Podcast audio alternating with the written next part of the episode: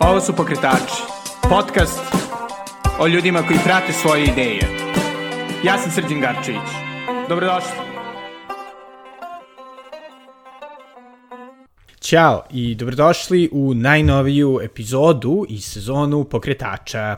E, ove godine se nadam da ću nastaviti da vam budem zanimljiv sa novim ljudima, novim temama, možda novim gradovima i sredinama iz kojih će dolaziti pokretači, tako da se nadam da e, ovo ružno, sivo vreme koje nam polako dolazi će biti nadomešćeno vašim omiljenim podcastom i jednim od najstarijih podcasta o preduzetništvu i uopšte pokretanju stvari u Srbiji i regionu.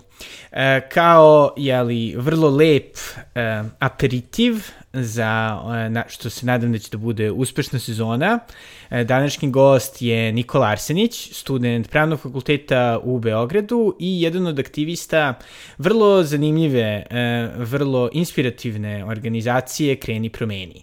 Sa Nikolom sam pričao o tome šta znači biti mladi aktivista, pogotovo u vremenu kada ta reč, to jest obe reči, bilo mladi, bili aktivista, e, kod dosta ljudi e, izazivaju određeno podozrenje. E, zašto ima smisla potpisivati peticije, kako se svet aktivizma promenio u proteklih par godina i kako zapravo možemo da učinimo naš svet, našu državu, ko zna možda ove, i našu neposrednu blizinu boljom ako se malkice aktiviramo, malo jeli, krenemo i promenimo nešto.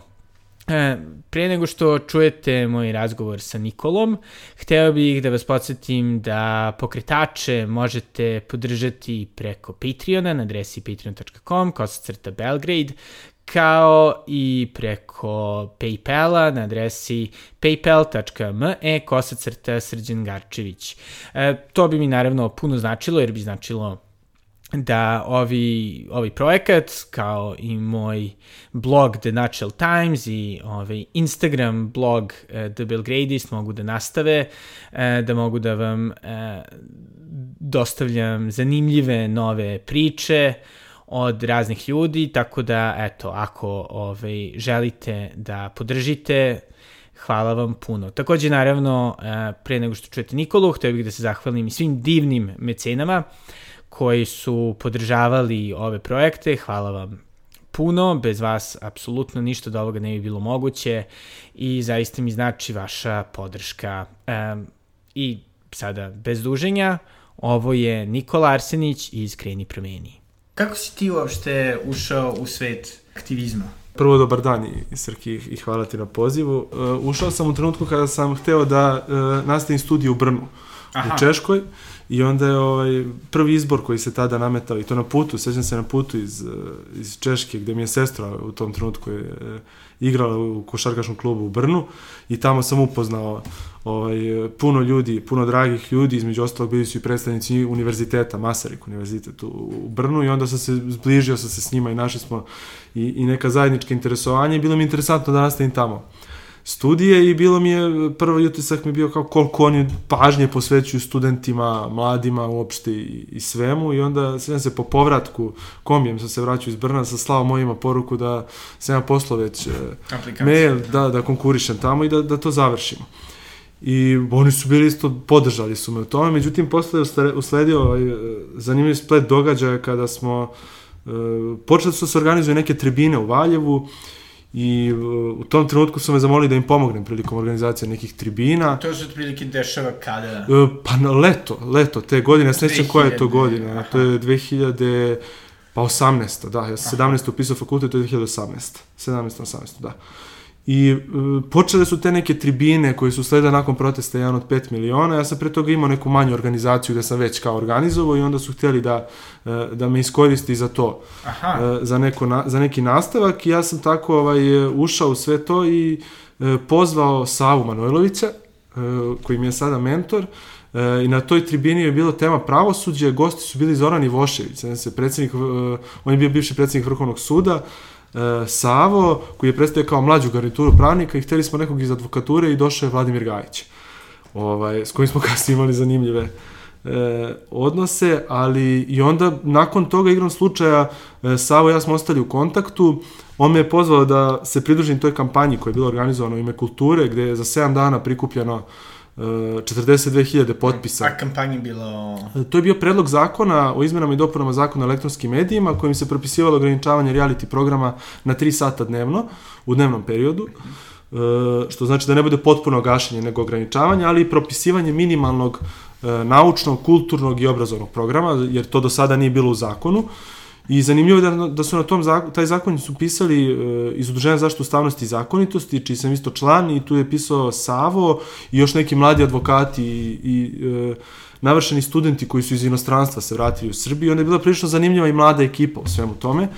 Uh, I onda me zainteresovalo u toj kampanji, u stvari taj neki pristup koji su oni imali, koji je tipičan za Srbiju, koji je bio, jer je to sve vodila Marina Pavlić, Marina je predavač na Harvardovom kursu društvenog organizovanja kod profesora Maršala Ganca. Uh, i ona je baš taj e, koncept društvenog organizovanja primenila i ovde i, i prva je koja je to primenila na taj način u Srbiji i onda mi je bilo strašno interesantno da, da povezujem kako je to bilo i epilog je bio da je u stvari mi smo u, toj trenut, u tom trenutku smo imali oko 250-300 aktivista u mreži naših ljudi koji su bili konstantno na terenu.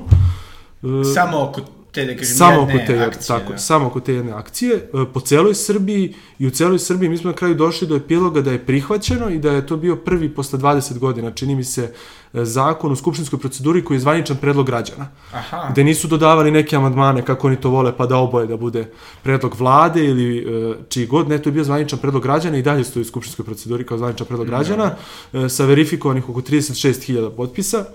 I onda kroz tu kampanju sam u stvari ušao u aktivizam gde smo e, imali neke iskustva i oko, e, da sam prvi put se susreo sa pregovaranjem u tada e, u Skupštini, što mi je bilo veliko iskustvo tada studenta i onda smo ovaj, i onda su prosto ogromno iskustvo, ogromne lekcije smo tada naučili I mi smo u stvari tom kampanjom te jeseni e, sa toliko mrežom aktivista uspeli da se kontakti, da kontaktirali smo 250 narodnih poslanika, te smo tražili da se svako od njih izjasni e, sa da ili ne, da bismo ubrzali proces, da taj zakon bude izglasan. E, taj zakon i dalje stoji u skupštinskoj proceduri. Međutim, su izjasnili? Jesu se izjašnjavali, jesu, međutim to je bilo, sjećam se, bili smo na sastanku uh, u e, skupštinskom skup, u klubu Srpske napredne stranke. Skupštinskom pozvali su nas na sastanak na tu temu. Išli smo e, koleginica s pravnog fakulteta, isto studentkinja ja, znači dva studenta su bila na sastanku. Na sastanku su bili Sandra Božić, e, Mirko Krlić koji je tad pre, bio predsjednik Skupštinskog odbora za kulturu i još članovi Skupštinskog odbora za kulturu sa RTS-a su bili neki novinari. I tu je vođena debata gde su svi, svako od njih se nije hteo da se izjasni. I na kraju, uh, smo ih pitali, ok, ali jel biste vi vašu decu poslali da gledaju to? Mm -hmm. U 4 sata popodne. I svi su rekli ne. Aha. A da li je normalno da to bude više od 3 sata dnevno? Da li je normalno da bude i 3 sata? Oni su svi rekli ne. Mm -hmm. I onda, ali njihovo naravno prvo čim se izađe stane pred kamera je Dragan Đilas je uveo uh, reality program u Srbiju. I onda da. je to bio neki začarani krug, međutim ono što je epilog, uh, sada je, uh, već sada ćemo podneti uh, žalbu Ustavnom sudu, zato što se nije odlučivalo u razumnom roku o toj inicijativi i prosto na taj način ćemo morati pravno, formalno da to, da to prosto se stavi na glasanje. Ali to je bilo moje prvo susretanje sa aktivizmom i nakon toga Aha. se je nadovezalo kreni promeni i ceo taj... Da, i kako je, kako je ovaj, krenuo kreni promeni? Pa, tada je bilo, e, još dok je trajalo to, e, te jeseni, dok je trajala ta kampanja, meni je došla Kristina Urošević, koleginica, i pitala da uđem u Kreni promeni i kada mi je rekla da je koncept takav da se to prikupljanje online pe, potpisa, peticija, e, ja sam rekao da je to glupost i da neću da imam nikakve veze sa tim. I ovaj, to je bila moja prva reakcija. I zato svaki put kažem da potpuno razumem svakoga ko kaže da je to glupost na prvu Dobre. loptu, jer sam ja to rekao.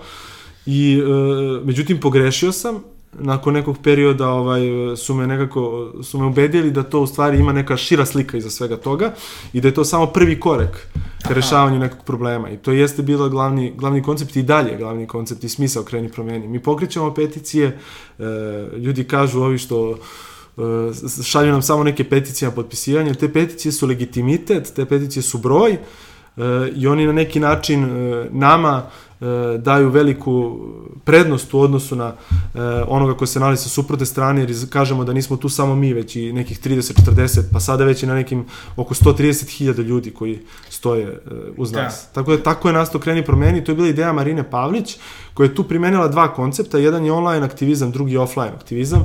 Taj online je vezan za e, prikupljanje potpisa i peticija, mi smo deo open mreže na, na, na svetskom nivou, tu imaju organizacije iz Amerike, Move On, iz uh, Rumunije, The Click, koji su organizovali proteste protiv Laure Koveši, uh, Ahang, organizacija koja sprovodi trenutno, evo, sada za vikend, uh, treba deo iskreni promeni da ide upravo da budu posmatrači na uh, izborima u Mađarskoj, sprovode pred izbore, mm -hmm. pred parlamentarne izbore uh, za pitanje, da li su parlamentarni više, za, za pitanje Orbana.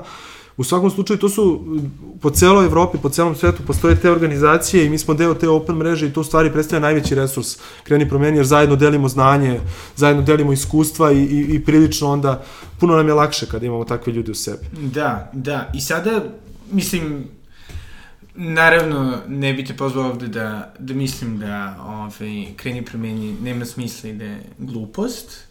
Međutim, kad si već to pomenuo, ovaj, ne, ne, ali Mislim, naravno, dosta aktivizma biva odbačeno, pogotovo online aktivizma kao kliktivizam, eto šta, ne znam, lako im je da okačite vašu ono, sliku sa nečim, samo crni kvadrat, kao što je bilo za BLM prošle godine, i nekako da se smatra, ok, ovo je samo ono, domaća verzija. Međutim, šta te je ubedilo da kreni promijeni nije? Pa, prva stvar, mislim da se, posebno u Srbiji, uh, svi se plašimo od nečeg novog. Jer kao kad se pojavi nešto novo, mi smo svi u strahu kako ćemo da odreagujemo na to novo. I posebno u Srbiji je tako, jer prvo ovde se onako redko pojavljuju neke nove stvari, ovde najčešće živimo u prošlosti pominjamo i pozivamo se na prošlost. I prosto, mene je ubedilo to što je ovo inovacija. Aha. Ovo stvari ima i poenta kreni promeni jeste u tom narednom koraku koji uvek postoji. I e, nismo krenuli ni u jednu priču, ni u jednu inicijativu, a da nismo imali naredni korak u svakom trenutku kada, kada dođemo do određene tačke. Da, da. I naš prvi korak je peticija, ali nakon peticije i taj online aktivizam u stvari pomaže, pa super, mi živimo u 21. veku. To je prosto moderno doba je. E, svi smo na telefonima, na kompjuterima, e, ljudima je klik na na dohvat ruke. E, online peticije su u celom svetu usponu iz prostog razloga, negde one već imaju formalnu važnost. U Srbiji nemaju.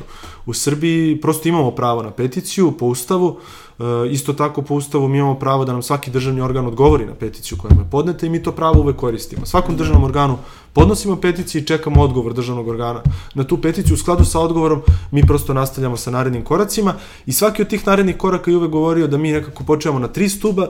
Prvi stub jeste online peticija, drugi stup je onaj offline aktivizam koji će nakon toga uslediti, ali treći, onaj noseći stup u svakom trenutku jeste pravo, Mm -hmm. I svaka inicijativa koju kreni promeni podno je bila pravno utemeljena i zahvaljujući udruženju za zaštitu ustavnosti i zakonitosti i, i pravnicima, profesorima, advokatima koji su u tom udruženju, mi smo prosto dobijamo uh, pravna objašnjenja, pravne regulative u svakom trenutku spremne i svaku inicijativu ulazimo prosto pravno ozbiljno potkovani i to je veliki daje nam veliku sigurnost. I meni je upravo to kreni promeni. Posle prve inicijative sam se uverio u to, kada smo, Aha. E, kada smo pokretali. Da, i ove, i evo, ajde sada da, da kao malo konkretizujemo. Znači, radi se, jeli, o inicijativi za ograničenje reality show-ova, eto, da čisto vidimo kako, kako to izgleda iza. Znači, šta je tebe lično tu ovaj, privuklo? E, pa, to, skoro smo pričali o tome i e, bilo mi je, pristup im bio zanimljiv sa ne, prijateljima iz Slovenije koje sam upoznao. To su ljudi koji su se izborili za povlačenje zakona o vodama mm -hmm. i, na referendumu, e, koji su to inicija, inicirali i mi smo bili gosti na, e, njihovi gosti na nekom samitu i tamo su baš, e, pitao sam ih pa super šta vas je motivisalo da pokrećete tu kampanju i e, lider te kampanje je rekla pa mene ekologija apsolutno ne interesuje. Aha. Mene to ne interesuje. I ona je prosto, a međutim, uticaj koji to ima na drugi ljude nešto što me interesuje. Ja reality program ne gledam. Ja televiziju gledam, e, sportske kanale, volim da gledam utakmice, NBA ligu i to je nešto što ja gledam. E, informišem se online pretežno, tako da me, ne preti meni lično opasnost od toga da li će bude reality program i nisam nešto lično povezan sa tim.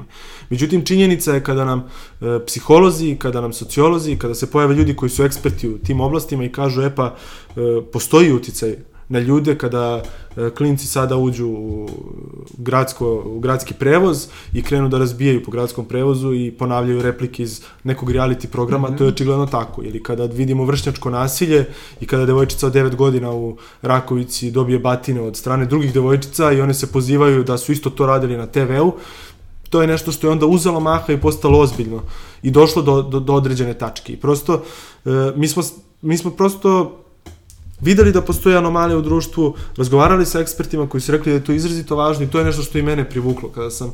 Da, da. Prosto sam želeo da se uverim i da sam proverim da li je moguće na neki formalan način, na neki normalan način uticati da se neki problem reši. Mi smo i tada ste, upoznali sjajne ljude u Remu, Mm -hmm. Tada je uh, za mene bar heroj koji je bio u Remu, to je Slobodan Cvejić, profesor. Uh, I uh, Slobodan Cvejić nam je pružio ogromnu pomoć tokom cele te inicijative i dalje nam pruža uh, fantastičnu pomoć. On je bio čovek koji je to u Remu uh, unutar tog tela inicirao da se razgovara o tome, on i Judita Popović. Nažalost, preglasani su, ali njih dvoje predstavljaju onako svetionike koji su pokazali da, da, da može da se bori unutar institucija i iako je javnost u jednom trenutku bila ozbiljno nepravedna prema i profesoru Cvejiću i okrenula mu leđa i, i počinila ozbiljno negativnu stvar na sve ono što taj čovek radi, ali prosto ne vidi se, nego je iza neke zavese, da. ali on radi i dalje fantastičan posao i žao mi je što je izašao iz Rema, ali je bio samo čovek od reči gde je rekao da onog trenutka kada vidi da više ne može da utiče da će izaći. Prosto ti ljudi su neki ljudi koji na tom celom putu nas inspirišu da, da nastavljamo dalje. Šta si ovaj, nekako najviše naučio tokom prikupljanja peticije, sećam se, mislim da ste bili ispred Sanua u nekom trenutku da je bilo prikupljanje potpisa, ne? Za ovu akciju. A, za ime moguće, da, da. Da, da, moguće, da, da. Moguće, I, da, ove, da. I mislim i nekako ono, u kontaktu kao sa, pa, sa ljudima, u tom, da kažem, dnevnom aktivizmu, šta se... Da, ja sam bio u stvari u Valjevu u tom trenutku i bila je nevjerojatno lepa scena jer su u jednom trenutku kako je stajao štand i mi smo bili za, za štandom u Valjevu i uh, vidim uh, scena kada 20-30 uh, lekara iz Doma zdravlja koji je bio u blizini dolazi da svi zajedno su se skupili na pauzi i došli da potpišu tu inicijativu i uzimaju telefone i zovu kolege koji još nisu izašli. Aha. I u jednom trenutku se skupilo 50 medicinskih radnika koji stoje u redu i čeka da potpiše tu inicijativu. Ljudi koji prolaze vide te neke ljude koji stoje tu i čekaju u, u, u mantilima i kažu, e pa šta je ovo? I to je toliko imalo neki jak efekat. I se, to je bio recimo poseban dan kada je ogroman broj ljudi potpisao iz prostog razloga jer eto, neko je ušao u dom zdravlja i rekao, Uh, da postoji neka inicijativa ispred i oni su izašli od njih 50. I meni je, i, i to je u stvari bio, njih je motivisalo neko ko je stajao za tim štandom je motivisao nekog od njih. Da, da. I to jeste, nije ono samo kada stojimo sada i kažemo ljudima evo vam papir i, i, i bacimo, mm -hmm. kao što se to obično svodi u aktivizmu. Mislim da ljudi e, vole i žele da se čuje njihovo mišljenje i mi, e, čak i mnoge inicijative koje se i danas pokreću preko Kreni promeni su prvo pitanje uvek imali da pitamo ljude i bazu od već sad preko 370.000 ljudi koji dobiju mail od nas sa pitanjem e, da li je ovo pitanje za vas važno, ako jeste e, želimo da se bavimo time, ako ne, nećemo se baviti time i prosto na taj način učimo i sebe da prezentujemo ideje na pravi način, ali da testiramo da li su naše ideje dobre. Da. Jer nećemo se pojaviti kao što je to sad u modi, onako postalo pomodarstvo da izađu ljudi i kažu mi smo svi toliki genijalci, ali eto, narod ne shvata naše velike ideje. Pa možda ipak yes. niste toliki genijalci ili prosto... Da, da, ali kako je recimo bilo kada ste nailazili, i pogotovo kad si ti lično nailazio, da kažem, na neku, neki otpor, na primjer, sigurno se dešavalo da neko prišao i rekao, baš malo skuposti. Ni, bilo, je, bilo je za, više otpora bilo za druge uh, inicijative da. nego za ovo. Ovo inicijativu konkretno vrlo malo otpora i nije to bio otpor da sad bilo ko krene sa negativnom nekom pričom na nas. Više da, da. to bilo da nemam vremena da, da. ne želim sada i tako. To je, to je čak inicijativa i koja je u stvari ujedinila ogroman broj ljudi mm -hmm. i mislim da je to za sedam dana na terenu prikupiti 42.000 potpisa, kasnije jeste verifikovano 36, da, da, ali to je da. prilično, ozbiljna struktura je potrebna, ozbiljan uh, vibe, evo skoro smo imali par inicijativa koji su sličnu stvar pokušali, bili su sjajne inicijative, sjajne ideje, ali prosto nije to Nisu, tako da. jednostavno i tako da, da. lako i, i to je bio ceo, u tom trenutku ceo e, narativ, veliki broj javnih ličnosti ustao da podrži tu inicijativu i kada je počinjalo sve to, ja nisam bio tada u Beogradu, ali iz Sjećam se Savo, Marina, Kristina i ostatak ekipe koji su, sve resurse su usmerili ka uh, Filharmoniju koja je tada trebala bude i oni su očekivali samo to već oko 10.000 potpisa. Aha. I bilo je otkazano zbog kiše. Ah, I tad je bio trenutak da li se otkazuje celo to. Jer kao 10.000 potpisa je mnogo. da. I da li ćemo da otkažemo sve? I svi se Savo je došao i bilo je loše vreme i on je došao i, i stao sa svim ljudima i kaže ljudi ajmo pa šta bude. I, i to je u stvari bio presudan trenutak gde su se ljudi motivisali i stvarno su prilazili, razgovarali sa ljudima, prilazili su pisci, glumci, reditelji. Mi smo kasnije imamo, mislim to i dalje imamo, spisak od preko 100 javnih ličnosti koje je podržalo tu inicijativu. Mm, imamo sportiste, glumce, reditelje, Željko Hubač koji je bio naš, koji je bio upravnik Narodnog pozorišta, koji je govorio uh, na našim javnim raspravama i to je prilično prosto taj, to je recimo tema koja jedinjuje ljude, koja spaja i, i to je bilo zanimljivo. Za koja pitanja si nekako vidio da su ljudi malo više podeljeni? Za studentska, najviše za studentska, uvek za studentska. Kada god smo, bilo, bilo koja studentska tema da se pokretala, ovaj, tu smo imali najviše i negativnih komentara i, e, i onih e, standardnih e, etiketa, borite se samo za e, vašu zadnjicu, Da, da. e, samo za pitanja koje zanimaju studente, e, to je ovako, to je onako i onda čuvena poređenja sa 60-im, sa protestima, Aha. pa čuvena poređenja sa kom 90-im. Pa to su, to su poređenja, po meni je katastrofa uopšte porediti te, kao totalno su drugačije sociološke prilike, totalno drugačiji ambijent, sve je drugačije, Da, ne može da. se poredi.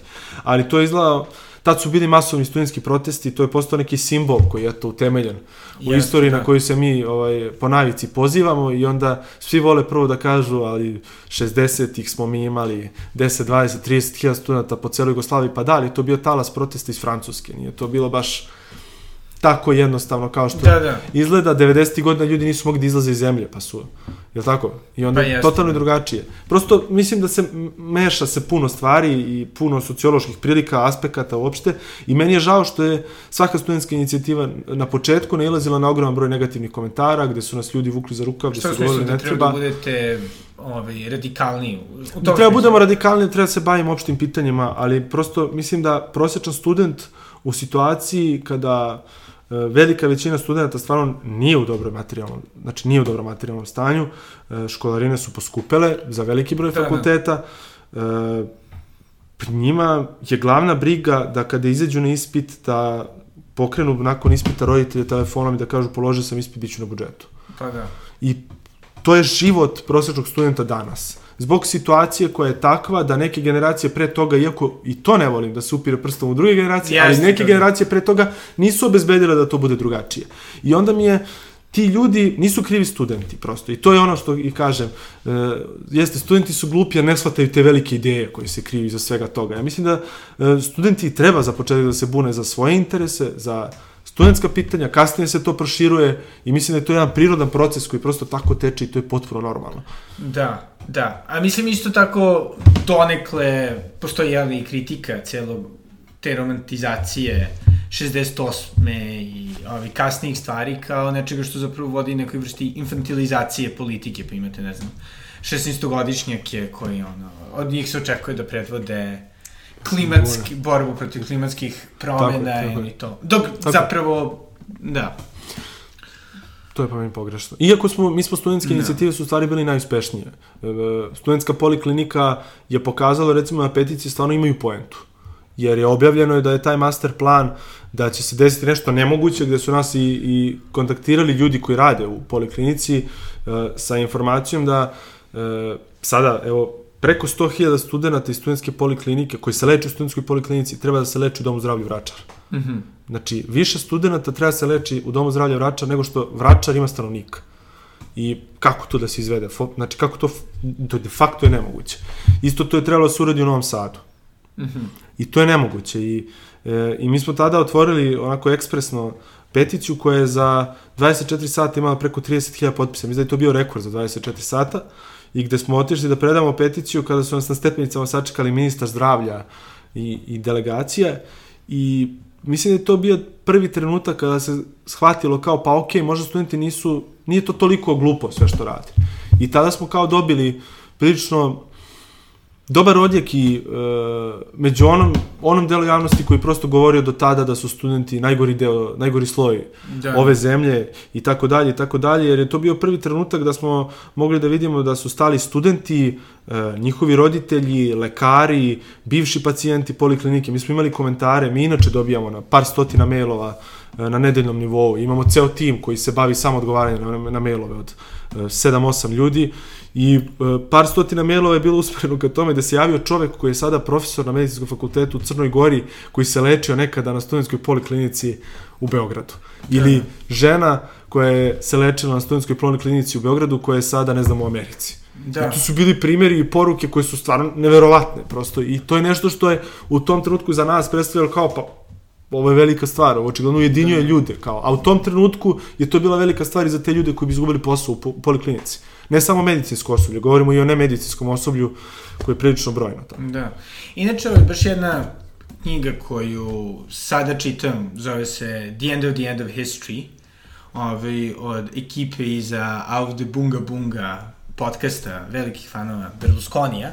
Da. Sad onekle, mislim, u toj knjizi se žale kako zapravo je posle ajde sad da kažem, neoliberalnog, po znacima navoda, konsenzusa od ono, 89. do ne znam, 2008. kada je li bila kriza, sada je on zamijenjen tu nekom postpolitikom svih tih velikih pokreta, bilo da se radi, ne znam, ono, BLM-u, o, ono, Occupy Wall Streetu, ili sada tih, da kažem, specifičnih ono, jedno, uh, jedno pitanjskih, da kažem, inicijativa, kao što je donekle kreni promeni i nekako oni smatraju da je to problematično za politiku, jer bi u normalnom slučaju postojale stvarne interesne grupe koje bi se jeli, preslikavale na političku scenu, gde bi se onda kroz jeli, neka razna, razna sklapanja i preklapanja tih raznih koalicija zapravo stvorile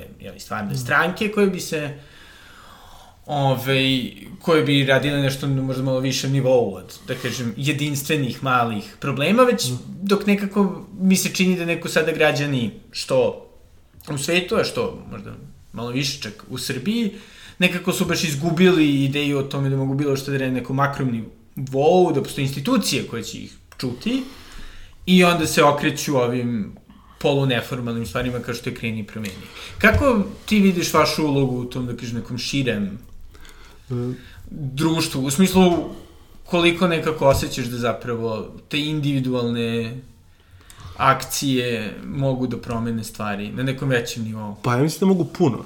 I mi smo imali mm, inicijativu za uh, odbranu parka na Banom brdu. Mhm. -huh. To je bio mali park, zajedničko s tim parkom meni je bilo da je park u Valjevskoj ulici, ja sam iz Valjeva, ali Aha. sam išao na te proteste. I nisam samo ja, dolazili su još neki ljudi iz Valjeva kojima je to bilo zanimljivo, pa su dolazili iz Valjeva da budu na protestima Aha, okay. na Banovom brdu. Znači, valjevski ekskluzivizam. Da. da. I šta je tu? Tu je poenta bila jer je nakon godinu dana taj park odbranjen od divlje gradnje koja je bila nezakonita, bez papira, E, taj park je odbranjen, e, da je u trenutku kada su došle mašine da rade, e, 12.000 ljudi koji je potpisalo peticiju, pozvano jednim mailom na protest, u roku od pola sata smo imali 300 ljudi koji nije dozvolilo da mašine uđu e, na tu zelenu površinu. I na taj način odbranjen taj park. Međutim, e, najveća pobeda u stvari u svemu tome nije bila što tu neće biti zgrade. Najveća pobeda u svemu tome što je par dana nakon toga otvorena inicijativa isto preko nas gde su se javili ljudi iz Čačka koji su želeli da odbrane park u Čačku. Pa su se javili ljudi sa Zvezdare koji su želeli da odbrane uh, određeno područje na Zvezdari, pa su se javili ljudi sa Karaburme, pa su se javljali ljudi iz različitih delova Beograda. U jednom trenutku mi smo imali preko 10 inicijativa koji su ljudi samostalno pokretali, ne kreni promeni, nego ljudi mm -hmm. u saradnji s kreni promeni gde smo mi prosto bili tu kao svaka moguća pomoć. Da. I mislim da i to jeste najveća snaga i kreni promenija i aktivizma, jer e, jedna ta mala pobeda e, sa sobom nosi nadu za još 10 različitih pobeda u svojim dvorištima. I to se onako brzo širi, to je onako epidemija nekih uh, malih pobeda koja je uvek dobra. Mi smo imali na krilima pobede za odbranu studentske poliklinike sutradan se dogodila ona malo manje poznata, a isto jednako važna, to je odbrana Prirodnjačkog muzeja. Da. koja se dogodila sutradan, na isti način kao studentska poliklinika. gde je u roku 24 sata sakupljeno preko 20.000 potpisa, gde su se ljudi u veoma brzom roku stvorili ispred Prirodnjačkog muzeja i rekli pa super, ovo, ovo ne sme se skloni odavde. Iako su bili spremni svi papiri i nije baš to bilo kao što je posle to predstavljeno, ah, da je greška. to mali nesporazum i greška u komunikaciji za jedan i za drugi problem, ne. To je, bilo, to je bio problem koji je tu brzo rešen. I to je bilo, nakon toga smo imali još tih pobuna koje se pokreću. I meni je to pozitivna stvar. Da, da. Pozitivna iz prostog razloga što ja trenutno ne vidim aktere na sceni koji će da uzmu i da kažu, e pa super, ajmo da rešavamo ovo zemaljske probleme. Nešto što se dešava danas ovde, nešto što je svakodnevni problem e, ljudi na Zvezdari, na Banovom brdu, na Paliluli, ako ćemo govorimo o Beogradu, ljudi u Valjevu, Užicu, gde god. Da. To su ljudi koji pokreću sam, mi skoro smo imali jednu sjajnu ženu, Veru, koja je pokrenula inicijativu da rak dojke postane hronično oboljenje kako bi bili omogućeni lekovi za te ljude. E, Sjećam se sam joj, pitao sam ako je potrebna pomoć, ona je rekla da i poslao sam joj na koji način može da proširi tu peticiju, ona je rekla ja sam sve to već uradila, imam 10.000 potpisa. U roku od par dana. Da, da. I to je u stvari meni pokazatelj da su, da su se ljudi ohrabrili, da nije ba sve tako mrtvo kao što se priča. Postoje ti neki ljudi koji su svetle tačke i više ona nije sama u tome. Postoje još neki ljudi koji njoj pomažu. Pa su da. se javile još neke inicijative po pitanju zdravstvenog stanja. Znači, prosto svaka sfera, mislim da se veoma brzo širi i da mora da postoji neko na toj sceni političkoj, ako ćemo to uopšte da nazivamo scenu, ja to ne volim uopšte da nazivam scenom, ali na tom terenu koji će da kaže super, moramo da se bavimo i nekim problemima koji se prosto tiču svih nas, a ne da govorimo kako će do uskrsa e, da se dese najveće promene koje su bile u da, istoriji, da. pa onda do jeseni, pa onda veoma brzo i onda to da najavljamo od, ne znam, 2000 koje, 15. godine, da najavljamo da je svakog uskrsa neka nova promena, kako neko da, novi da. pada. To je nešto što ubija nadu ljudima, svaka ona mantra i praksa koja se realizuje u Srbiji, koja počiva na tom sistemu gde se pojavljuju ljudi i akteri koji stanu pred kamerama i njihova politika se svodi na nabrajanje grehova bilo koga, to samo ubija nadu u ljudima. Ubija nadu u ljudima kada vi nemate naredni korak, kada vi ne nudite da. nikakvo rešenje. A onda kada se dogodi nakon neke dve godine, pošto se na dve godine u Srbiji obično nude rešenja, pa nakon dve godine se pojavi rešenje, ko ne prihvati to rešenje kaže pa to možda i nije baš najbolje, Ne, taj će dobiti osudu, neće on dobiti da, nastavak. Da. I mi kao kreni promeni, na to sam možda i najponosnije, što o svakom rešenju diskutujemo. Diskutujemo međusobno za početak, nakon toga diskutujemo sa ljudima koji interesuje taj problem. Nakon toga diskutujemo sa stručnjacima. I na kraju sedamo svi zajedno i kažemo super, šta je najbolji način da se nešto reši. Nisam ja najpametniji za ekologiju, sigurno, a nisam ni najpametniji za pravo, ni za ekonomiju. Prosto zovemo ljude koji su najbolji u svojim oblastima ili mislimo da su dobri, ne možemo uvijek da dođemo naravno ne, ne, ne. do najboljih, ali prosto ljude koji su kompetentni pitamo šta misle, oni nam sto puta kažu niste u pravu, mi kažemo super, nećemo onda na taj način da radimo. Hajmo da imamo šta je najbolji način da se reši problem. I meni je to pozitivna stvar i to je dobra stvar. Da, da. I treba da se da je dosta bitno da kažem, destigmatizovati interes u politici, to vrlo, da, da kažem, ovaj, konkretan, jer jeli, ne možemo... Nažalost, mi se čini da je tužna strana liberalizma, to zato što nekako se sve previše govori o nekim, ono, e, opštim, moralnim linijama, u smislu, ako podržite ovo, vi ste dobra osoba, ako ne podržite ono, vi ste loša osoba, a zapravo veći deo ljudi uglavnom politiku percipira na, da kažem, kroz svoj ono, dnevni život i njima je bitno da se promeni da se očuva parkić, da dobiju posao, da im nije, ne znam, zagađena okolina, da im deca imaju školu bliže, šta god. I da zapravo da, postoji, da je dosta bitno da ljudi nekako se nađu u svemu tomu. Ja mislim da ljudi moraju shvatiti uopšte šta je politika. Nije politika ono, i meni je to uvijek bilo, uvijek su mi i e, kada razgovaram sa studentima i kada smo bili na nekim skupovima gde je bio veći broj mladih ljudi, oni su mi onako, stidljivo pitali, ali je se ti baviš politikom a, u tim godinama? I ja sam uvijek odgovarao, bavim se i super mi je.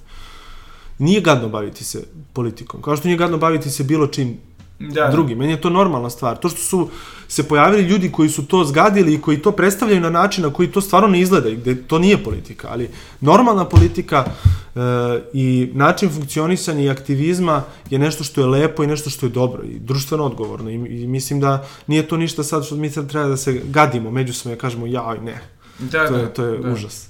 To je zapravo najgore stvar bavljenje politikom gde se ovaj, prodaje, da kažem, defektna roba kao nešto što je sjajno kroz ideologije, velike parole. Ja mislim da su ideologije prevaziđene, to je 21. veki. Pa da. Mislim da su u, u, veliko prevaziđene. Pa dobro, ovaj, nadam se. Ali evo, ovo je sve, ovo je sve onako zvučalo dosta lepo optimistično. Šta bih rekao da je najgori deo bavljenja kreni promeni? I kada je bilo na foru, ajde, da baktali ovo, da se bacimo nešto cool. Pa nije, mislim, ja sam, uh, ja sam se bavio profesionalnom sportom pre nego što sam ušao sve ovo i zbog zdravstvenih problema sam uh, prestao da se bavim sportom, ali uh, nekako, mene ovo podsjeća na, na, na, na karijeru koju sam imao dok sam se bavio košarkom i, i ovo mi uvek kao od utakmice do utakmice. Aha. I nijednog trenutka stvarno nisam do sada osetio je pa zasićenje ili činjenica je da da često nemamo vremena za mnoge stvari, za, za, da privatan život puno trpi u, da, u da. mnogo aspekata i da verovatno ovo nije normalno stanje za nekoga ko studira, uh, ali mi smo birali to i mislim da nijednog trenutka za sve što sam zabeležio svoj izbor da nemam pravo ni da kukam ni da e, govorim sad kako je to negativno, ali ne mislim ništa negativno, jer stvarno mislim da je ovo jedna lepa i korisna stvar gde pokušavamo da spojimo lepo i korisno, ali meni ovo nekako uvek mi daje to takmičarsko da da, da se da. sa nekim e, nadmećemo, da se borimo, nadmudrujemo u neku ruku i ovaj, baš me podsjeća na to iz, iz perioda košarke i onda mi je nekako baš, baš na sve to gledam kao na jednu utakmicu, na, na turnir i, i zanimljivo mi zbog toga. Da, zapravo ono, uživaš u tom celom procesu, da. Znači, samo, nisu samo ovaj, fotkice sa, ono, sa kočićima, ono, u medija centru. to je, mislim da je naj, najlepši deo, skoro su me pitali, ali najlepši deo Aktivizam za mene je ono prvo postojanje strategije. Kada stojimo Aha. na suvo, onako kada ništa nemamo, kada postoji samo jedna ideja i kada je potrebno postaviti strategiju i mislim da je to u stvari najveći deo i najveća kreativnost koja je potrebna. Mislim da uopšte nije najlepši trenutak ono kad na kraju mi pobedimo, kažemo wow, uspeli smo. Najlepši trenutak je kad mi kažemo super, evo, imamo neku ideju, e, kako ćemo to da formulišemo pravno, narativno, e, kako ćemo da razgovaramo sa ljudima o tome i kako će ljudi e, najpre da shvati da čujemo taj feedback da li je to dobro ili nije. Meni je da. to, uvek mi je to najzanimljiviji deo u odnosu na onaj na kraju, to je, da. traje par sekundi. I evo i recimo, ajde sada, slušalci e, i slušateljki su možda zainteresovani da pokrenu svoju akciju, kako bi to izgledalo, oni šta vama pišu? Pa te, imaju e, na našem sajtu uh kreni promeni, peticija.krenipromeni.org, imaju opciju da pokrenu svoju promenu, da pokrenu svoju inicijativu, nakon toga prikaže im se određena stranica gde piše upitnik e, da popune tu inicijativu, nakon toga će im se javiti neko iz našeg tima i u skladu sa tim kakve su ambicije ljudi koji pokreću imaju tu opciju da dobiju mentorsku podršku iskreni promeni Aha. i za strategiju i za medijsku kampanju i za bilo koje segmente koji su potrebni da bi se rešio neki problem i mislim da Mm, najlepši deo i neki korak na kome mi želimo da radimo u budućnosti jeste da ohrabrimo više ljudi da samostalno pokreću. Da. I da je u stvari to najveća stvar, jer ćemo tada znati da smo i mi uspeli, kada ljudi budu spremni da samostalno, baš poput Vere ili sada poput Dragomira, koji je za veoma kratak rok sakupio ogroman broj potpisi i, i radi sjajnu stvar, ali to su neki ljudi koji su obični ljudi iz kraja, koji su izašli i rekli, e pa skupili se sa svojom ekipom, komšijama na kafi i rekli ajmo da pokrenemo nešto da. i onda su proširili na još više ljudi i to su oni talasi koje e, često da. spominjamo i, i ta, na taj način prosto imali smo proteste u Pančevu, Tesla koji su organizovali i, i, i različite inicijative i ljudi koji su uspeli da, da animiraju ogroman broj ljudi i prosto kada nam stigne upitnik E, dobit će brzo odgovor, nakon toga sve do ljudi i mi da. se nadamo da će što više njih prosto želiti samostalno. I vam se desi da neke, da kažem, peticije odbijete? Da, da. Desi. Mislim, uh, prosto postoje neka pravila po kojima po kojima radimo, ta pravila su da uh, ne želimo peticije koje će da sad razjedine ljude da prave još veću polarizaciju i unutar stanovništva. Mislim da neke stvari su prosto E, stvari na koje mi ne, ne da ne možemo da utičemo, nego stvari koje nisu do nas. Ja, -hmm. I kada su pitanje zdravstva, ja tu sam onako najte, naj, najteže se odlučujemo i mi da pokrećemo neke takve teme, jer prosto nismo tu stručnjaci, teško je e, objasniti određene procese ja. tu, rizično Čak je. Čak posle pandemije gde smo svi postali. I, da, ovaj, svi smo eksperti. E, I, mislim, to su neki primjeri gde stvarno prosto postoje neki ljudi koji to znaju puno bolje od nas i ukoliko oni kažu da je to stvar koja je dobra, to je jedino, jedini ono, stepen selekcije koji će postojati. Prosto, ako neki ekspert kaže to je dobro, mi ćemo pustiti, ali nije sve do... Ne može da, baš da. bilo šta u javnosti. Da, a šta bi rekao da su recimo ključni delovi dobre strategije? Znači, ne znam, imate neki problem u ulici, možda nije, ne znam, za pa, ljudi, da ljudi, odreći. mislim uvek ljudi. Ja sam, ja, ja sam napravio najveću grešku u kreni promeni sa jednom inicijativom koju sam ja vodio, jer uh, celu inicijativu više sam to jest se posvetio medijskoj strategiji, kako ćemo da pristupimo medijima, uh, društvene mreže, i cela ta kampanja, veći deo kampanje je bio okrenut tome, a najmanji deo kampanje je bio okrenut onome što kaže door to door, e, razgovarati mm -hmm. sa ljudima, biti na terenu, otići negde, e, i to je bila ogromna greška i tu kampanju smo izgubili i mm -hmm. to je bila moja greška. E, ali to je bila onako prva veća lekcija, jer sve je do ljudi i kada god se bilo koja tema pokreće, prvo što u strategiji stoji kod nas jeste ovako zaokruženo velikim slojima, to su ljudi i kako na kreativan način doći do ljudi. I to je prvo pitanje koje postavimo, jer ako mislim da smo svi toliko okupirani tim nekim negativnim stvarima da kada vidimo nešto pozitivno i kreativno da ćemo uvijek da stanemo i da kažemo e pa ovo možda da bar razmislimo o ovome. Da, da. I mi se prosto trudimo da postaknemo ljude na razmišljanje na neki kreativan način. Pitanje zagađenja, nismo izašli i rekli, e pa mi smo najzagađeniji grad u svetu. Ne, nego smo postavili pluća koja su bila improvizovan billboard sa plućima, gde smo imali skulpturu mm -hmm. pluća i, i gde je, mi smo za tih nedelju dana dobili oko hiljadu mailova od ljudi šta je to u centru Beograda. Da, da. Da bi nakon toga iz gradske uprave ukrali ta pluća. Aha. I mi smo sad u sudskom sporu sa gradskom čistoćom zato što su nam ta pluća ukradena. Ali to je bio sistem, jer e, na taj način ogroman broj ljudi nam je došlo sa istom pričom i kaže, pa mi nismo kao, ok, zagađenje, ali ovo kada pogledaju ta pluća i tu skulpturu gde se tako i urađena billboard bio da su pluća počela da tamne posle određenog da. perioda zbog zagađenja vazduha. I baš tad kad su počela da tamne su sklonjena. I to je bilo, ali na taj način su ljudi shvatili, je, pa ovde se nešto dešava, ovo je stvarno prilično je ozbiljna stvar. I to je primer kako na kreativan način da dođemo do, kada nismo znali šta ćemo u parku i kada su nas iz gradske uprave onako kulirali, organizovali smo turnir u futbalu na sred Požeški.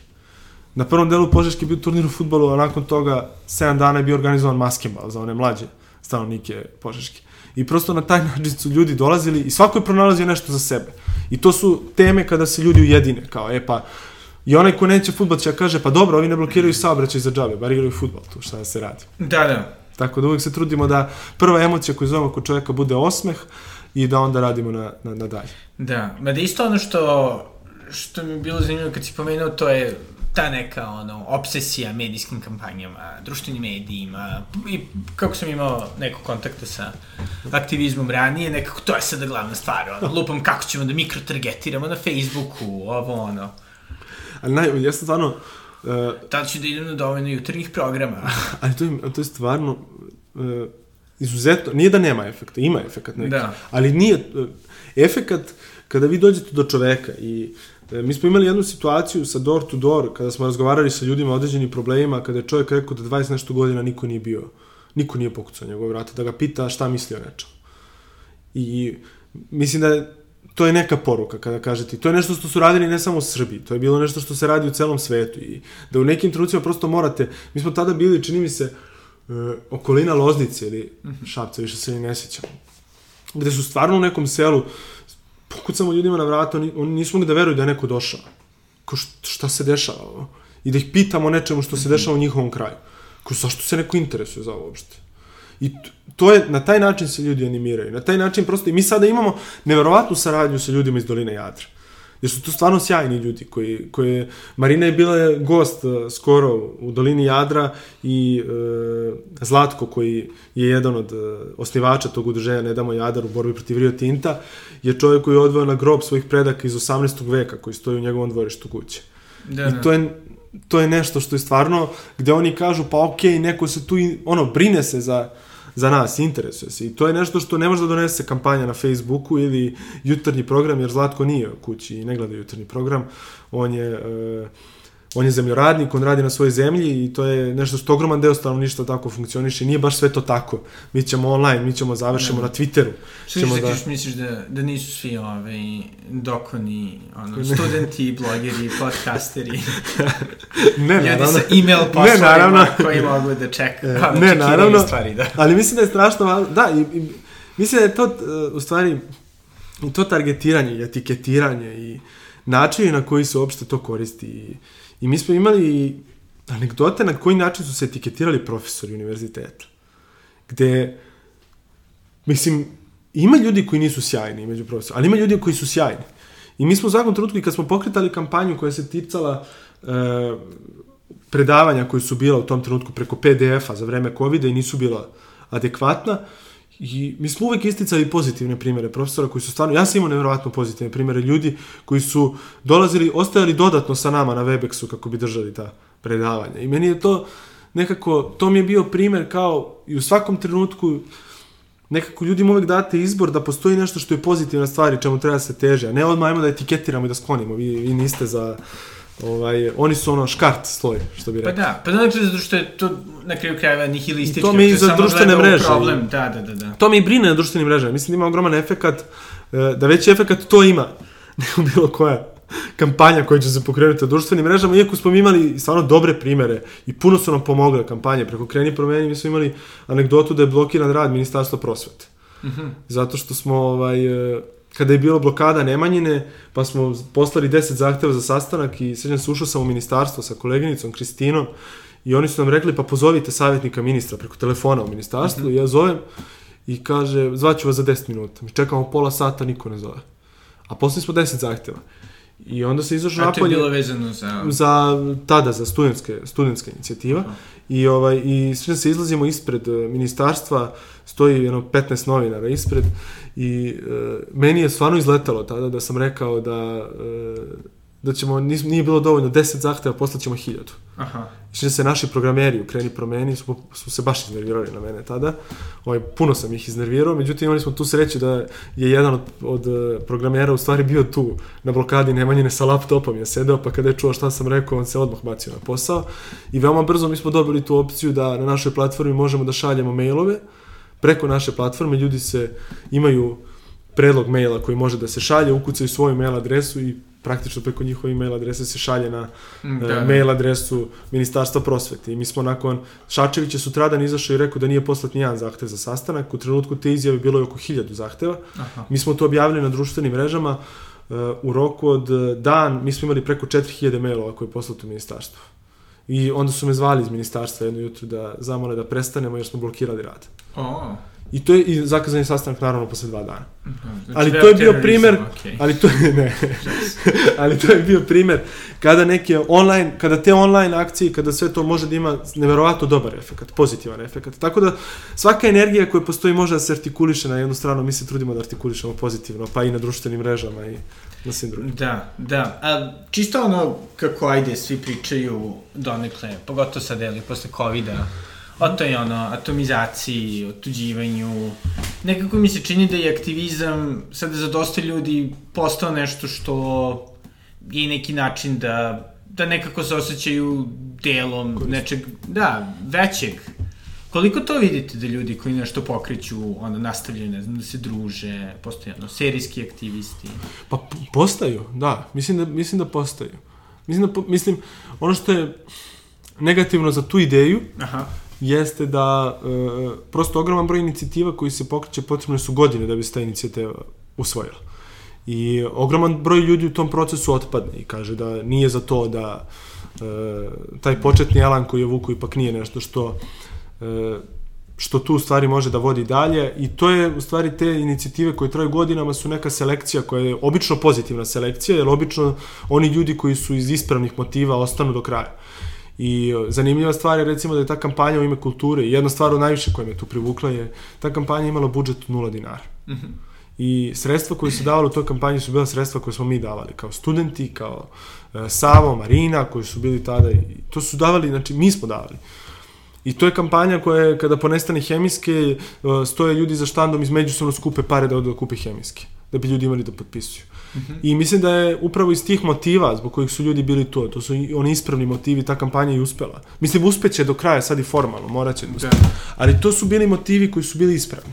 I mislim da je to nešto što svaka ideja na kraju, mislim da uradi tu pozitivnu selekciju, da, da obično ispliva, sad ovo deluje utopijski, ali Naravno. mislim da obično isplivaju stvarno ti ljudi koji jesu. Naravno, to nije da, ovaj, da. uvek slučaj, ali obično jeste. Da. I sad da Nikola, ovaj, kako se približavamo kraju, ovaj, izuzev naravno tvoje želje da mi liši šanse da gledam zadrugu u četiri popodne, kao slobodan čovek, Ove, ili imaš nešto što bi možda volao da se desi ovoj zemlji, da bi malo teže život? Pa prvo, drago mi je da će, da će težan život na taj način.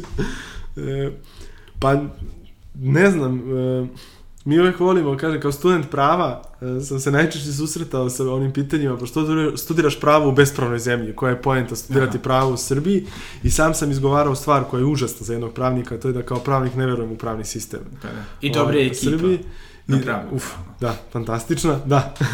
I ovaj i e, kao neko ko sigurno nije među najboljim studentima u istoriji, ovaj e, ali nekako mi uvek želja da e, svaka naredna inicijativa i pobeda bude vezana za vladavinu prava i da na neki način ovaj to mi je onako e, san da imamo da. zemlju gde će kada čovjek ode ovaj, u sud ili kod, kada tužioc pokrene neki postupak, da će stvarno kao justicija da ima onu, Aha. onaj povest preko očiju koji će kaže da je nebitno ko je član koje stranke, ko je u kom sloju društva, da je sve nebitno da je pravo čini ljude jednakima kada dođu pred sud i da je to nešto što je najvažnije. Tako da neka bude to nešto što će upropastiti život.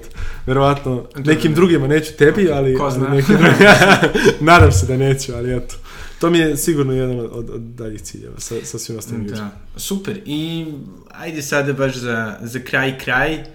Ovi, da, šta bi rekao nekako, ovi, da je najbitnije za ljude, ako hoće da se uključe u aktivizam, šta, šta misliš da je, da je bitno da, da, da nekako reše sa sobom, šta misliš da je? Pa, Uh, ja uvek kažem, ne volim da veličam aktivizam i da kažem da je to nešto što je sjajno i da će se svi super provesti. Aktivizam je ogromna žrtva i to je uvek tako, kao i svaka neka lepa stvar, ali najljepši deo aktivizma je stvarno uh, taj put koji se vodi do određene pobjede, ti stepenici, pa onda kada padnete ona tri stepenika unazad, pa treba da ustanete da se popenjate mm -hmm. još deset unapred, to je onaj najlepši trenutak i uh, za mene je uvek najlepši deo aktivizma ono kada ostanemo do 12 noću, kada nemamo pojma uh, gde da krenemo u tom trenutku i kada se nalazimo u totalno zatvoreni, kada više ni ne znamo e, šta možemo da učinimo i kada onda krenu da sinu ideje i kada se pojave neka rešenja nakon određenog perioda i to je za mene onaj najlepši deo aktivizma koji kaže e pa ovo je moguće i najlepši deo aktivizma su svi oni ljudi koji se ne vide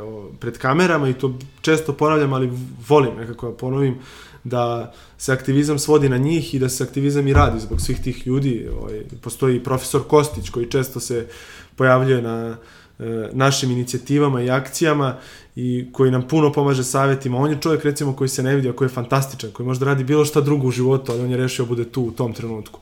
I ogroman broj ljudi isto to radi i to su stari ljudi koji, koji onako jesu motiv. Tako da ako god želi da uđe, neka razmisli o, o, o motivima, i o žrtvi koja se podnosi, ali neka razmišlja da je to lep put, kako god da jeste. Da, da, super. I svakako ovaj, vredi, makoliko...